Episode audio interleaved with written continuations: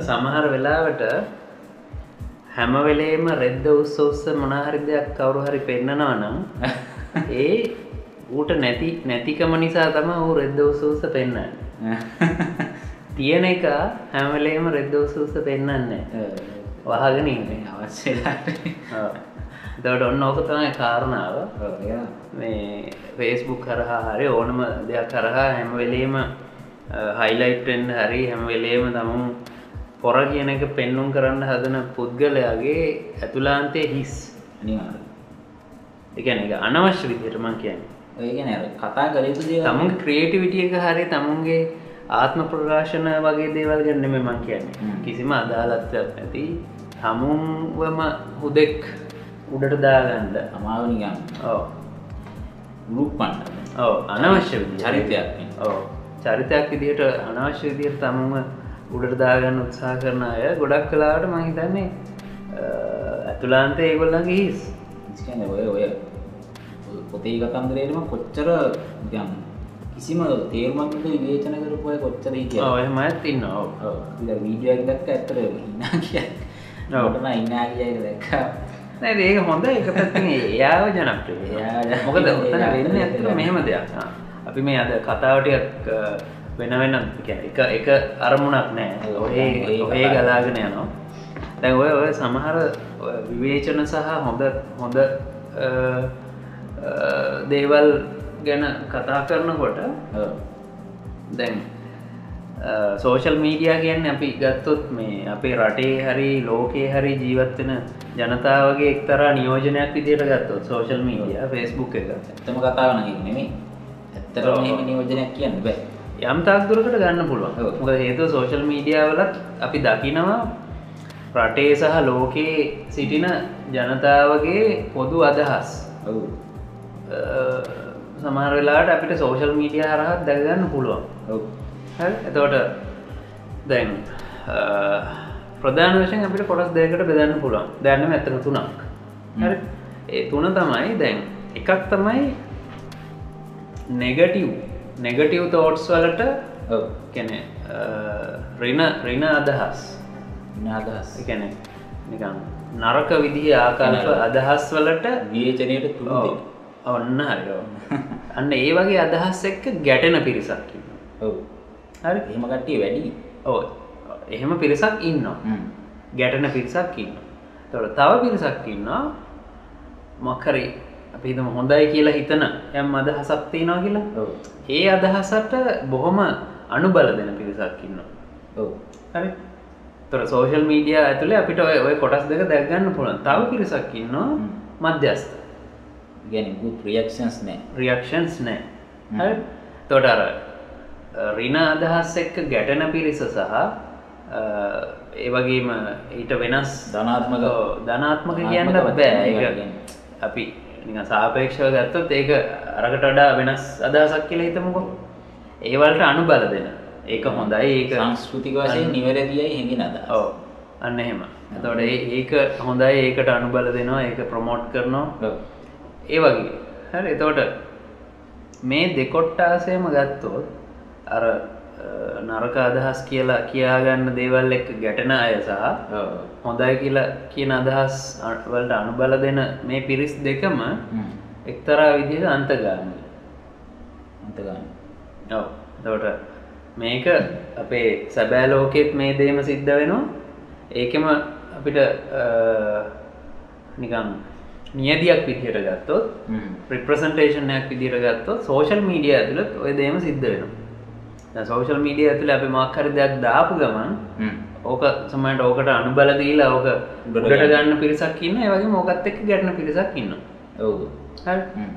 දෙකෙන්ම වෙන්න හැබැ එකම අර එකම දෙයක්. හ්ම්. ඒ දේ උඩට යනවා නිකම් මාර්කට් කියන්නේ ජනප්‍රිය. වෙනවා.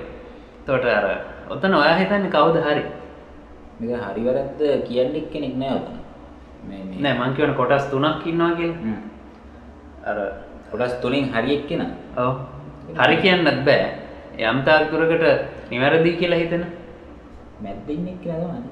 මමත් හිතන්නේ හේතුව ඔය මධ්‍යස්තව ඒ දේ දිහා බලන කෙනා ඇත්තටම අන්තවාදී නෑ. ඔව්. අර බුද්ධ දර්ශනයත් අපිට කියනවා මේ මැදුම් පිළිවෙත. එම නැත්තං මේ මොකක්ද ඒ කියන මැද ආරෂ්ඨාංගි ඔව්, මැදමාවතේ යන්න කියලා කියන්න. ඒක හරි අමාරු වැඩක්න එතවට ඕක හොඳටම අපිට බලාගන්න පුළන් ෆෙස්බුක් එකේ මොක් හරි දෙකට කවුරු හරි ඇවිස්සිලා එනවා නම් හ්ම්. එයා අන්තවාදී. අනිවාරෙන් එයා අන්තවාදී? ඒවගේ මොක්හරි දෙකට එයා බොහෝම උද්‍යෝගයෙන් ඒක අනුබල දීලා එක ප්‍රමෝට් කරන්න වගේ හදනවන එකන ඒත් අනවශ්‍ය විදියට මං කියන්නේ. ඒත් ඒ ඒත් එයා අන්තවාදී.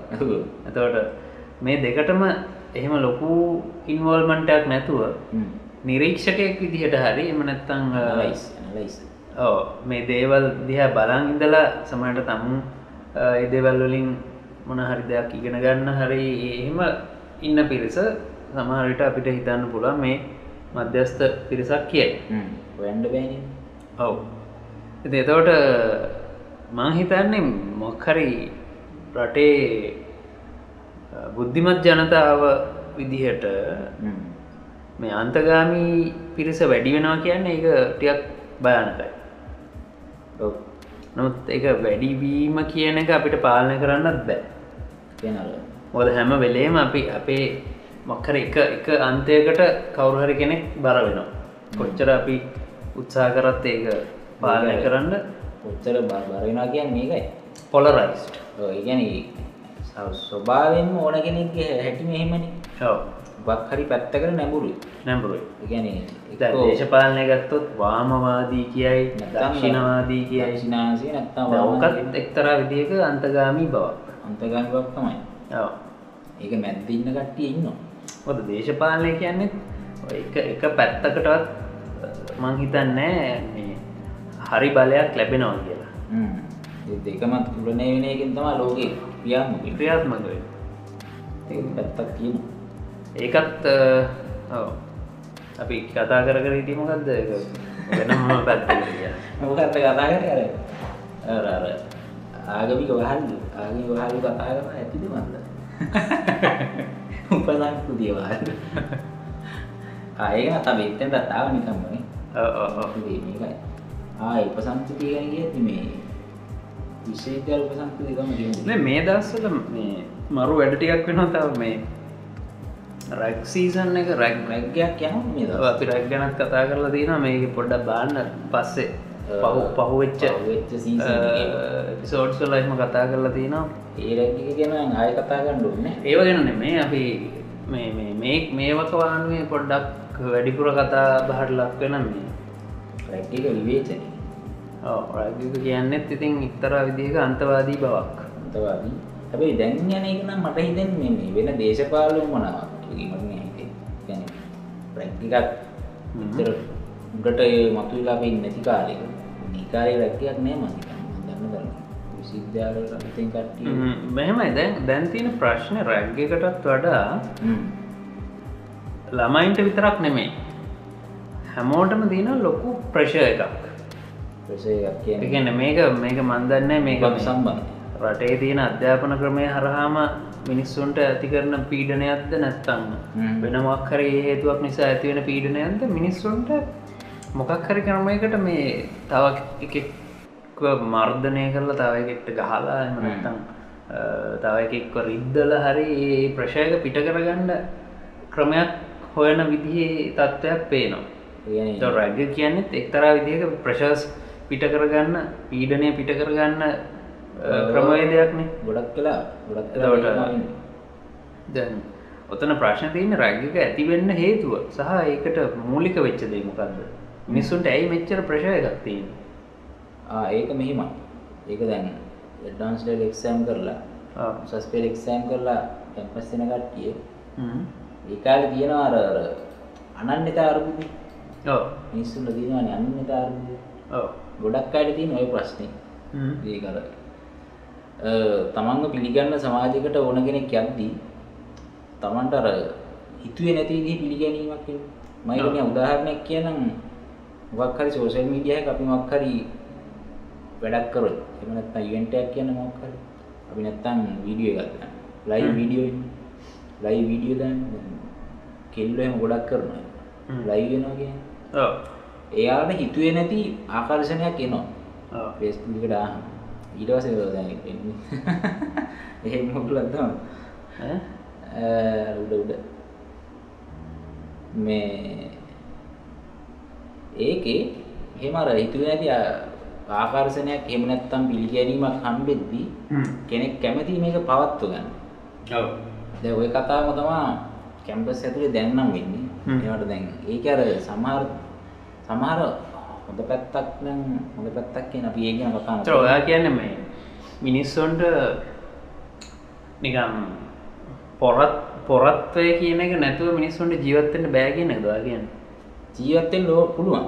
හැබැයි ලංකාවේ ප්‍රශ්නේ තියෙන්නේ දැන් පොඩි කාලේ ඉඳන් එහෙම එහෙම යම් මොකක් හරි යන්න නේතාවක් හදාගන්න පුළුවන් අධ්‍යාපනයක් නෙවෙයි ලංකාවේ. මමත් හිතන්නේ. ඔව් ඔයා කියන එක හරි. මමත් ඒකට එකඟයි මේ අධ්‍යාපනයේ අවුලක් තියෙනවා. ලොකු. ඇත්තටම මේ ලංකාව ඒක අපි කතා කරමු මෙතන මේ මොකද ලංකාවේ තියෙන අධ්‍යාපන ක්‍රමයේ ලොකු අවුලක් තමයි දැන්. ලංකාවේ සාමාන්‍ය මේ අධ්‍යාපන ක්‍රමය හරහා අවසානයේ බිහිවිය බිහිවිය යුතුයි කියලා දෙමාපියෝ සහ ගුරුවරු මේ හැම දෙනාම බලාපොරොත්තු වෙන්නේ බොහොම සුළු වෘත්තිකයන් පිරිසක් විතරයි. උදාහරණය ඉංජිනේරු වෛද්‍යවරු වෛද්‍යවරු නීතිඥයෝ ඊට පස්සේ. කලාකාරෝ එන්නේ පස්සට නැති. ආ, තව එකකවුන්ටන්ට්ලා වගේ කට්ටිය ඔව් ගණකාධිකාරී. ගණකාධිකාරිවරු තර ඔයගේ මේ තෝරා බේරා ගුරුවරු ඔව්. ඒක නම් ඩිරෙක්ට් මමකුත් නෑ. නම තෝරා බේරාගත් වෘත්තීන් කිහිපයකට විතරයි ප්‍රමුඛ වෘත්ති ඕ ලංකාවේ.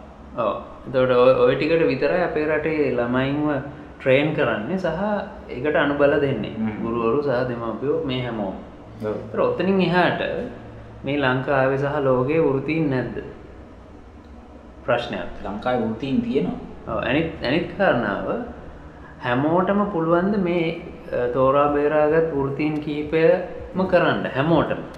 ඒකට දක්ෂ පිරිසක් ඉන්න පුළුවන්. නමුත් හැමෝටම පුළුවන්. කවුද අලුතෙන් නිෂ්පාදනය කරන්නේ? ඔව් එතකොට ඔව්.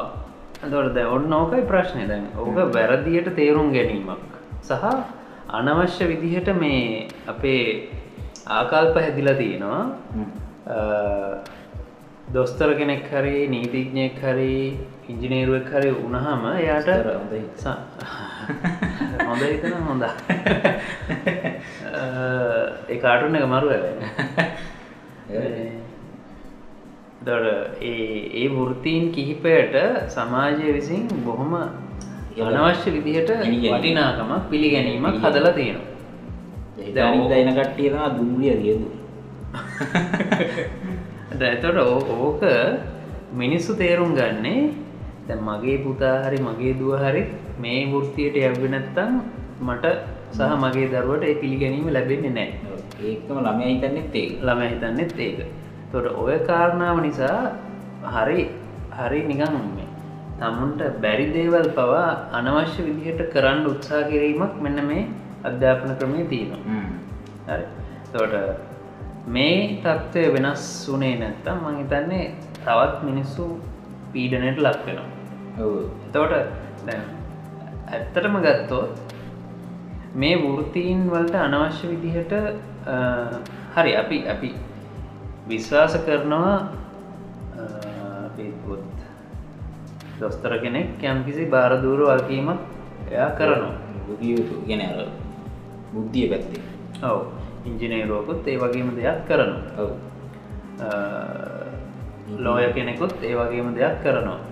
කවන්ටන් කෙනෙක් ඒ වගේම දෙයක් කරනවා. එතොට මේ වල වගකීම අතින් යම් යම් අ, වෙනස්කම් තියෙන්න්න පුළුවන්. හැබැයි ඒ වගේම නිකමට හිතන්න වැසිකිලි වලවල් සුද්ධ සුද්ධ කරන කෙනෙක්. සල සෝදක. කසල සෝද සුනීත සෝපාක සුනීත සෝපාද දෙන්නෙද දෙන්න.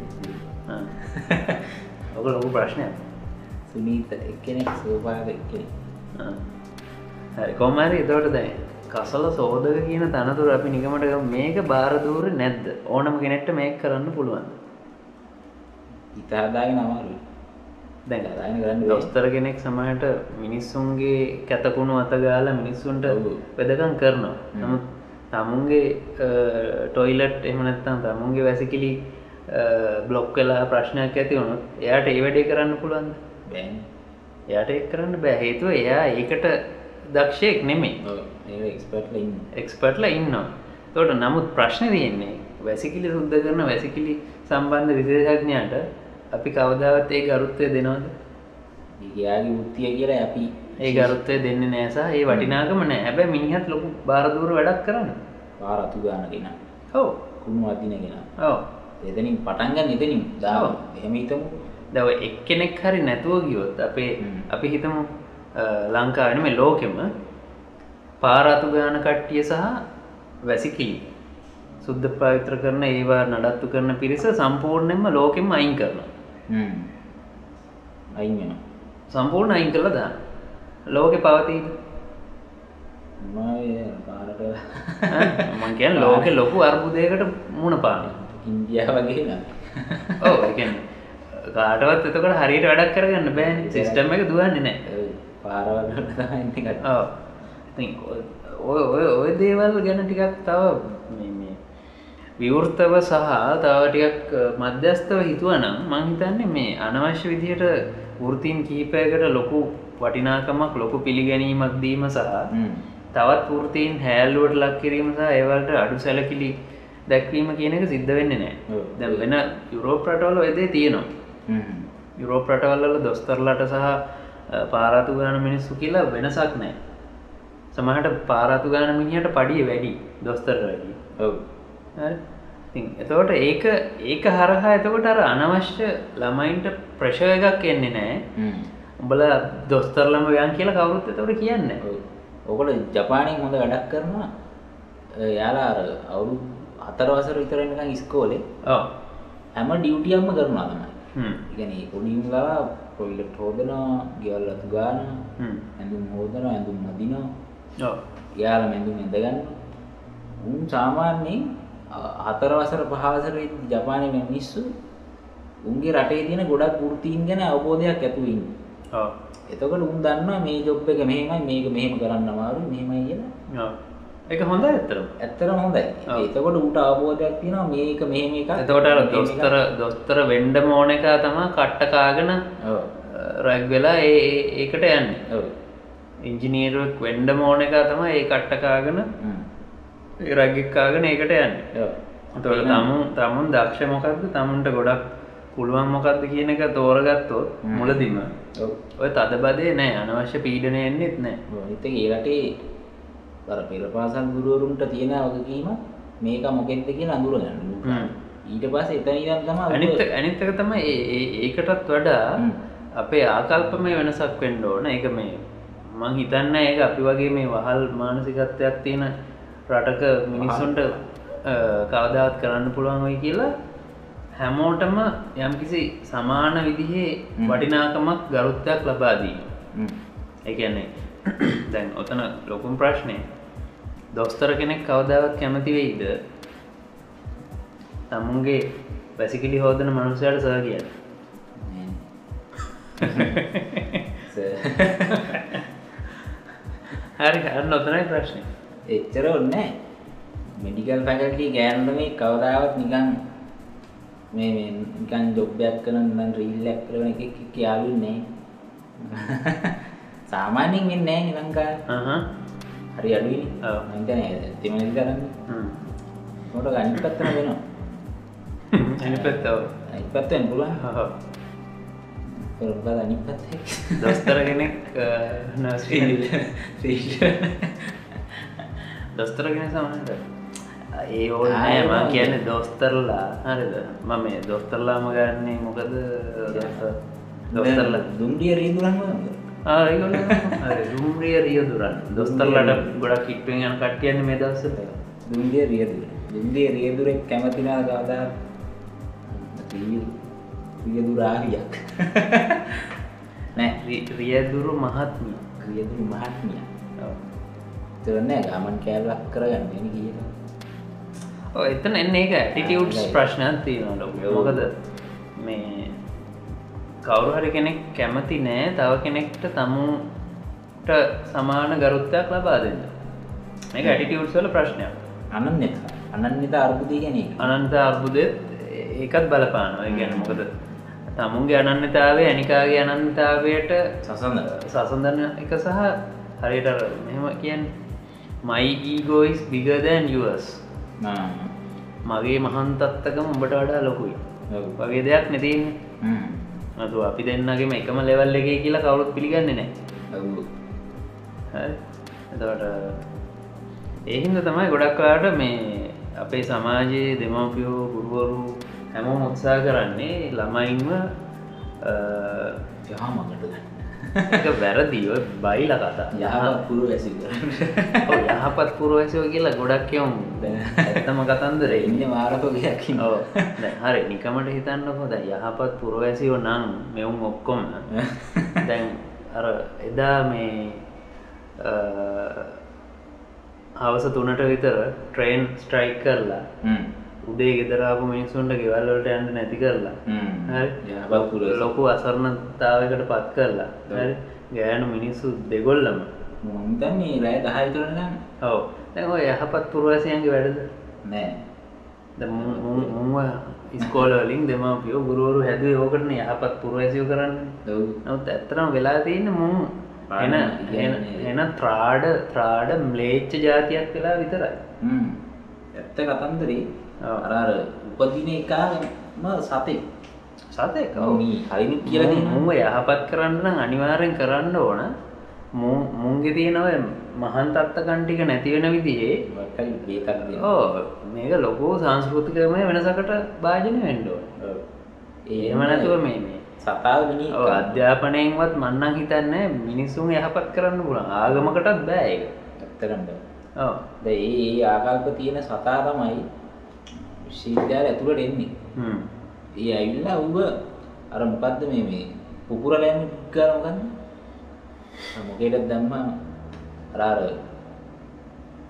ඒකට මොකක් හරි හොඳ වචනයක් තියෙනවා අනුමාපන කරද්දි ඉස්කෝලේ කෙමිස්ට්‍රි කරන දන්න කෙමිස්ට්‍රි කරානේ මට. මිස්ට්‍රි කරා. ගෙමිස්ට්‍රියල තියෙනවා මුල් කාලේ පරීක්ෂණයක් විද්‍යාගාරය අර පිනොප්තලින් කතන්දරක් කියර පිනොප්තලින් සීමාකාරයාක ඩික්කාල බින්දුවක් කළදි පාට ආ ඒ වගේ මොකෙක් හරි ගිහිල්ලා අර ප්‍රෙෂර් එකේ ඉන්න එකාව මොකක් හරි නිදහස් අවකාශයකට දැම්ම ගමන් ඌ විසියනවා. කියන්නේ උට අනන්‍යතාව වැඩි. අනන්‍යතාව උට ඉතා ඉහළ තැනකට එනවා ගණන්. දැන් නිකන් ඔහේ ඉස්කෝලේ ඇතුලේ නැත්තම් ඒක හිර කරගෙන හිටපු එකේ විශ්වවිද්‍යාලයේ නිදහස් තැනකට නිදහස් සංස්කෘතියක් තියෙන තැනකට ආවට පස්සේ ඌ අර හැසිරෙන්නේ කලින් හිටපු මිනිහා විදිහට නෙමෙයි. කියන්නේ රබර් බෝල යට ඔබල තියෙන ඒ වගේ එහෙම ඔබාගෙන ඉන්න එක පුද්ගල මතුවෙන අර සතා ඇහැරෙන. දැන් ඔය රැගින් කියන එක රැගින් හොඳටම තියෙන කැම්පස් වල ඔය සත්තු හොඳට ඇහැරෙනවා. මොකද අසීමිත නිදහසක් තියෙනවා උන් කියන දේ අහන පිරිසක් ඉන්නවා. උන් කියන දේ අහගෙන ඉන්නේ උන්ට ඕන දෙයක් උන් කරනවා දේ කරන ඒවා තමයි ඔය ඇත මම හිතන විදිහට මේ කැම්පස් වල තියෙන කැම්පස් වලින් පවා ලොකු ලොකු මිනිස්සුන්ගේ එන මිනිස්සුන්ට හරි නිකන් මේක මේ මේ ඔළුවලට දානවා. මම දැන් එෙන පොරක්. මම දැන් කැම්පස් කොල්ලෙක් කෙල්ලෙක්. නැත්තම් මම ඇවිල්ලා මේ ෆැකල්ටිය ඔය ඔය ඔළුවලට දාන ඔය අදහස් වලින් ගොඩක් කලාට එතනින්ම තමක් කෙලවෙන්න. යන සතා ඇරින් එතනින් හැරිලා මේ ඉටවසිතින් ගණ්ඩ දෙයන්න ඇත්තට මොද කැම්පස් වල මේ උප සංස්කෘතිීන් ගොඩක් හැදෙන්ඩත් හේතුව ඇත්තරම උප සංස්කෘතිීන් හැදෙනවා කියන එක හොඳ ඉදවා කියන්න. උපසංස්කෘතියක් මට අන්‍යයම් පොඩියට තියෙන්ඩුව මං හිතන්න උපසංස්කෘතිීන් හැදෙන එක හැදෙනව නම් හැදෙන්නේ මහා සංස්කෘතියේ ලොකු අවුලත් තියෙනවා